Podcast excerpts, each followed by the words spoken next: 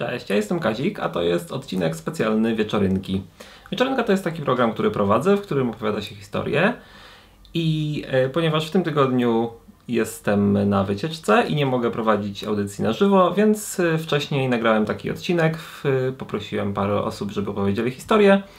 E, I ten odcinek właśnie możecie dzisiaj obejrzeć. Ten odcinek jest wyjątkowy z dwóch powodów. Po pierwsze, ma wideo, a po drugie, y, występują w nim osoby, które zwykle nie biorą udziału w wieczorynce, więc jest trochę, troszeczkę ciekawiej. Ym, Jeżeli chodzi o wideo, to wideo jest tylko mm, głównie dla ozdoby, ponieważ nie jest konieczne do zrozumienia historii, z wyjątkiem jednej, która jest y, pod koniec przedostatniej historii. E, Jak usłyszycie jakieś dziwne dźwięki, a e, nie będziecie wiedzieć skąd one się biorą, to znaczy, że to jest właśnie ta historia i polecam ją obejrzeć z wideo, ponieważ jest to. Tam e, obraz zawiera całą treść historii. A więc nie będę dłużej zanudzał moimi wstępami, tylko zaproszę Was do oglądania i dobrego bawienia się. Już mam mówić? No już. Czekaj, cięcie, czekaj, klaps, tak jak się mówi, klaps. Teraz muszę mówić. Tak. Ja mam tremę, ja się wstydzę, to ja nie chcę. To zrezygnowałem już część. Cześć, ja jestem Michał, mówię e, z Silesia Odwyk Camp. No i chciałem wam opowiedzieć historię, jak tutaj przyjechałem, bo było całkiem śmiesznie. Jechałem pociągiem PKP z Poznania do Katowic i miałem być na miejscu na koncercie Bacha o 18, no to sobie założyłem, że jak to PKP może się z godzinkę spóźnić. E, tak sobie ustawiłem pociąg, żeby przyjechał o 17 z kawałkiem. E, No i wsiadłem w pociągu, do Wrocławia było wszystko w, w porządku, bez żadnych poważniejszych spóźnień. No i w brzegu pociąg stoi. I stoi. Okazało się, że poszły hamulce, ale to był pociąg taki dosyć długi, 7 wagonów, no to prawie wszyscy z tych 7 wagonów przesiedli się do pociągu, który stał obok. Miał, miał odjeżdżać godzinę później, yy, też do Katowic. Problem był taki, że tamten miał tylko 3 wagony i jak wjechał na stację był już przepełniony. Chodziło się tak, że ludzie wsiadali do niego przez pół godziny, zanim się wszyscy upchali. E, Miejsca stojące były zajęte nawet w toalecie. E, A ja skończyłem w przedziale konduktorskim. Na 8 siedzeniach siedzieliśmy w 10 osób razem z konduktorem. E, Ścisk był taki, że konduktor nie miał jak się ruszyć, więc już po tej pół godzinie, jak wszyscy się wcisnęli, poprosił jedną dziewczynę, która siedziała z nami w przedziale, żeby podała słuchaw słuchawkę, nacisnęła wszystkie potrzebne guziki. To dosłownie był taki komunikat. To cytuję, co on powiedział w tej słuchawki. Dzień dobry. Y, Pociąg, y, pociąg odjeżdża ze stacji Brzeg około 20-minutowym opóźnieniem. Zostało spowodowane tym, że do pociągu wsiedli ludzie. I miał rację. To dokładnie tak było. No bo przez to się było opóźnienie, że ludzie przez pół godziny wchodzili do pociągu. No to okej, jechaliśmy. Bo Było wesoło, przez sympatyczna ekipa, wszyscy byli pospóźniani już ostro, ale było śmiesznie, wesoło żartowaliśmy, konduktor był przemiły. No i tak jechaliśmy sobie, było wesoło przez około pół godziny, przed Opolem stoimy, stoimy w szczerym polu. Kawałeczek przed nami rozwaliła się zwrotnica. W odstępie pół godziny, dobra, godziny, w jednym pierwszym pociągu poszły hamulce, przed drugim rozwaliła się zwrotnica i stał. E, więc tak, pociąg stał w szczerym polu, w środku mnóstwo ludzi, ściśnięci jak sardynki. ściśnięci jak sardynki. No to co no, całkiem e, było trochę osób palących i to był po prostu przecudny widok co się działo. Jak konduktor powiedział, że mamy postój około 20 minut, no tym samym trybem, bo nie po prostu nie, nie dał, nie mógł, nie mógł wsadzić, do, dobić się do słuchawki, musiał ktoś mu podać. E, to, to, był po prostu przecudny widok. Po obu stronach pociągu, na torach, stały tłumy ludzi i jarali na ogół. U mnie w przedziale e, akurat no, nie chcieli wychodzić, bo się bali, że pociąg odjedzie bez nich, to ustawiała się kolejka do okna, żeby wystawić głowę i palić papierosa. Co najzabawniejsze, w środku był konduktor i jak ktoś rzucił ten pomysł, tylko powiedział, a dobra, palcie, tylko jak będzie kiero- zobaczycie kierownika pociągu, to się chowajcie, żeby mnie nie, nie zabił. No i jedna dziewczyna wychyliła głowę, chwilę paliła, spytała się. E, kierownik pociągu to taki szerszy, tak? No tak. A to właśnie stoi pod oknem i udaje, że nic nie widzi. Kierownik pociągu po jakichś 15 minutach też e, dołączył, siadł obok nas jako, jako 11 osoba, więc ścisk był jeszcze większy. No i tak siedzieliśmy, aż jak już jechaliśmy, właśnie, sublica była naprawiona, ale nie dało się jechać, bo ludzie byli na zewnątrz. No z jednej strony konduktor zawołał przez okno, no to ludzie wsiedli powolutku, ale zaczęli wsiadać.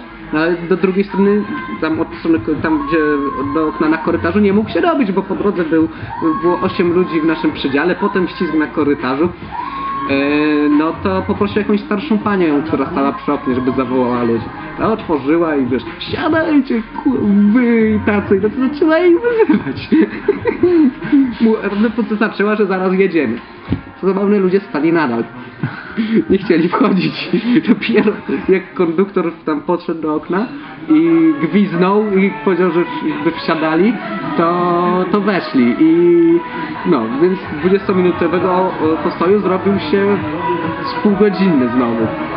No a potem już było w miarę bez przeszkód. W Opolu trochę staliśmy, bo się uparł jakiś facet na wózku inwalidzkim, żeby wjechać do tego pociągu, bo ten, który miał jechać się spóźnił. No nie było dla niego miejsca. No, po prostu nie było miejsca, nie dało się.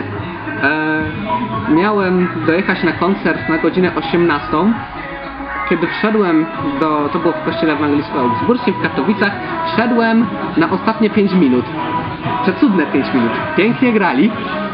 E, mówiąc szczerze, gdyby nie to, że następnego dnia był drugi raz ten sam koncert, to bym się pochlastał, ale teraz fajnie było. Nie, naprawdę, spóźniłem się prawie dwie godziny pociągu, ale nie żałuję, była naprawdę przednia zabawa i no, będzie co wnukom opowiadać i wam. Czytałem artykuł ostatnio, w którym była opisana scena, że niedaleko tutaj e, w sąsiednim mieście, chyba w Dąbrowie Górniczej, jakiś człowiek terroryzował bronią ludzi. Chodził z jakimś straszakiem po ulicy, zatrzymywał samochody i groził im bronią. I przez cały artykuł był budowany napięcie, wiecie, jak wieczorynka, buduje się napięcie. Nie? Na końcu było napisane, że jegomość pochodził z Sosnowca. Do samego końca trzymali nas w niepewności. E, tak się stało w moim życiu, że Bóg zmienił moje miejsce zamieszkania. Przyprowadził mnie do Polski i e,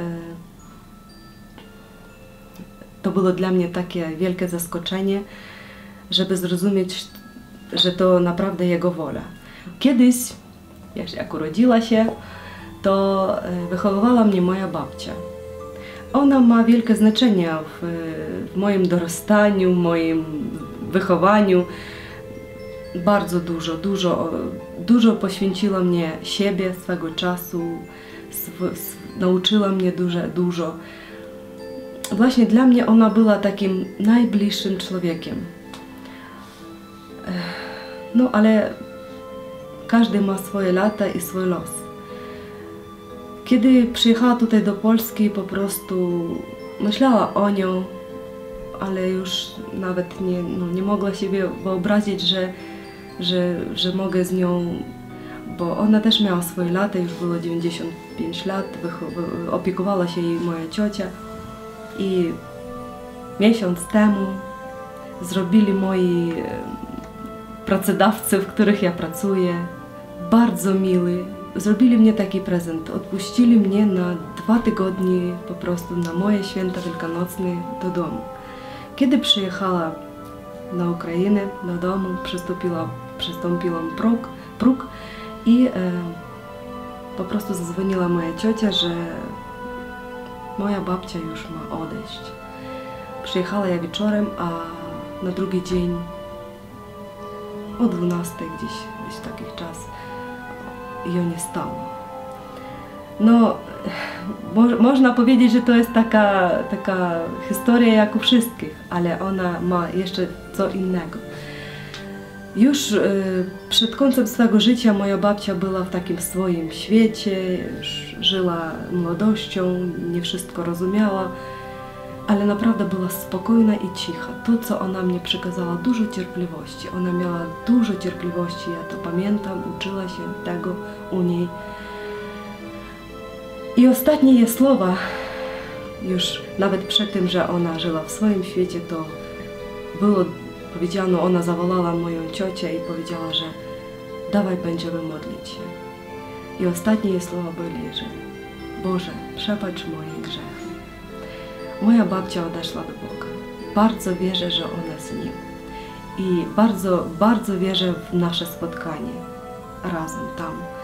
I e, potwierdzeniem tego, że, że prawdziwe było żegnanie z babcią i mówiono jej do widzenia, że po jakiegoś dwóch czy trzech tygodni mojej cioci przysnił się sen, e, gdzie ona z moją, swoje, ze swoją mamą szli e, gdzieś tam doliną albo nie wiem, no, drogą, szli, trzymali jedna drugą za ręce i śpiewali taki piękny psalm. E, za wszystko Ci dziękuję, Jezuse Panie mój. To było takie no, niesamowite przeżycie, naprawdę. I tylko co chcę powiedzieć, chcę powiedzieć e, słowa z Biblii, które Bóg mówi do każdego. Tak słowo, które wychodzi z ust moich, nie wraca do mnie bezowocne, zanim wpierw nie dokona tego, co chciałem i nie spełni pomyśli swego posłannictwa. Bardzo, bardzo dziękuję Boga za wszystkie Jego działa w moim życiu. Bardzo jestem szczęśliwa, że jestem Jego dzieckiem. Życzę każdemu, żeby każdy, każdy szukał Go. To jest niesamowite, ale to trzeba znaleźć sercem. Dziękuję. No to kiedyś jechałem, nie pamiętam, chyba, chyba do Katowic, ale wszyscy się śmieją, że Sosnowiec tam to jest granica. No i co się okazało? Jedziemy przez Sosnowiec, a tutaj mm, to był pociąg z Ostrawy. Więc weszła jakaś kontrola i wszystkim sprawdzali paszporty. Naprawdę. Tak było. Cześć! Dzisiaj chciałem opowiedzieć historię swojej patologicznej rodziny, a mianowicie urodziłem się jako jeden z dwóch bliźniaków. Drugi był strasznie owłosiony, ale żem go sławił po pierwsze na pierworództwo, a po drugie na błogosławieństwo. Takie ogólnie mało popularne wartości w dzisiejszych czasach, no ale mi bardzo zależało. No a potem on powiedział, że mnie tam zatłucze. To mama powiedziała, że mam uciekać do kuzyna. Kuzyn mnie zobaczył, to pokazał swoje córy. Jedna była ładna, druga mniej i powiedział, że da mi tę ładniejszą za żonę. Za 7 lat pracy. 7 lat, czajcie, porąbało. go. Mnie też porąbało, bo ja byłem w depresji, potem chciał zabić. Zgodziłem się. Pracowałem 7 lat na jedną kobietę. Pracowałem, no i dostałem ją, zaczęło się wesele. Po weselu trochę nie zauważyłem wcześniej, okazało się, że to jest, nie jest ta. Dał mi starszą siostrę. No i idę do niego z pretensjami, co ty panie, kurde, no 7 lat pracowałem, a ty mi dajesz inną. Powiedział, że nie ma takich zwyczajów, że się daje młodszą, dał mi starszą. Powiedział, że drugą też mi da. Za kolejne 7 lat. Już byłem taki wkurzony, że już machnąłem ręką. Powiedziałem, dobra. I kolejne 7 lat u niego pracowałem. Miałem dwie żony. Ta ładniejsza jeszcze była bezpłodna, stary. Po prostu ale akcja jedna długo naskakiwała. Jeszcze były ich niewolnice, z nich niewolnicami też miałem dzieci. Ogólnie miałem 12 dzieci z czterema kobietami. Ogólnie sprawy spadkowe są najbardziej pokręcone. Dobra kancelaria się nimi zajmuje, bo jestem podeszły do wieku zdrowia. Niedługo umrę, wszyscy chcą na mój spadek. Jeszcze mój, mój syn Józef został sprzedany do Egiptu. Ja wiem tam, bo oni mówią, że go tygrys rozszarpał, to widzę w ich oczach, że po prostu to są wyrasta do wrednych, niewychowanych bachorów. Ale jak miałem ich wychować, jak cztery matki były? No nie, dało, nie dało się po prostu. Każdy szedł do innej matki, dla niej coś wymuszał, cukierki i tak dalej. Ale najmłodszego robiłem Beniamina, chociaż Beniamin jest fajny. No jakoś muszę spadek podzielić. No i z tym mam problem, bo ja nigdy nie chodziłem do szkoły przez tą historię z moim bratem. Nie umiem dzielić majątku, a mam dużo, bo mi Bóg pobłogosławił. Pomimo to, że, że ogólnie mam, mam patologiczną rodzinę, Bóg mi błogosławi, czego zupełnie nie rozumiem, ale go bardzo za to chwalę. No, no i tak ogólnie chciałem się trochę pożalić. Nie, wiem co robić. Wierzcie sobie czterech żon, ani nawet dwóch i dwóch niewolnic. No bo to ogólnie potem nie wiadomo co, jak to tutaj jedna, druga, jedna nie ma dzieci, druga ma dzieci, jedna się drze, że jest brzydsza, druga ładniejsza, jedna ma więcej dzieci, druga mniej. Cały czas coś komuś nie pasuje. Także jeden mąż, jedna żona, razem dwoje. Jeden, dwa, nie do trzech. Do trzech już nie liczy. Do dwóch wystarczy. System binarny, łatwopalny. Dziękuję, to taka rada ode mnie na starość. Do widzenia.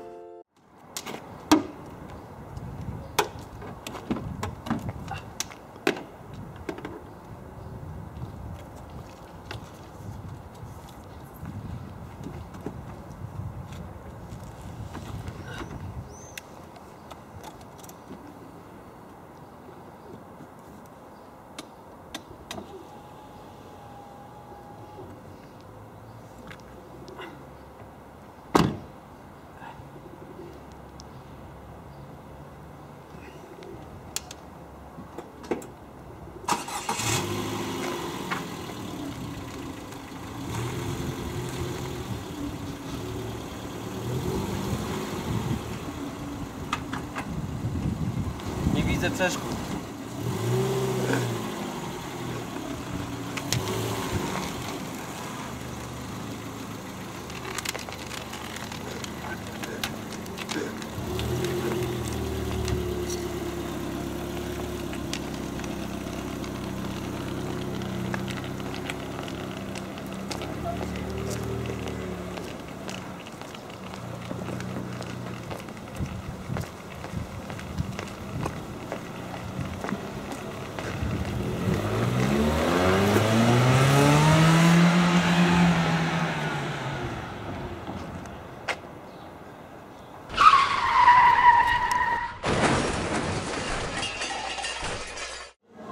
Więc Kazik poprosił mnie, żebym powiedział jakąś historię do kamery. A, ja nie mam żadnej historii takiej na poczekaniu, ale mogę powiedzieć jaka jest dobra historia. Jakieś takie kryteria, jak wygląda dobra historia, żeby ona była spójna, musimy to szybko zrobić, bo zostałem zabrany od stołu. Tam teraz Ola będzie mnie szukać, ona nie wie, że poszedłem tutaj historię opowiadać, która tak naprawdę nie jest historią. Więc tak, historia musi mieć, musi mieć rozpoczęcie, rozwinięcie i zakończenie. I dobra historia to jest takie jest powiązanie między tymi trzema. Nie tylko, że występuje. I występują jakieś postacie w historii i postacie mają jakieś przygody. I, i musi być puenta. I to jest to, czego teraz brakuje.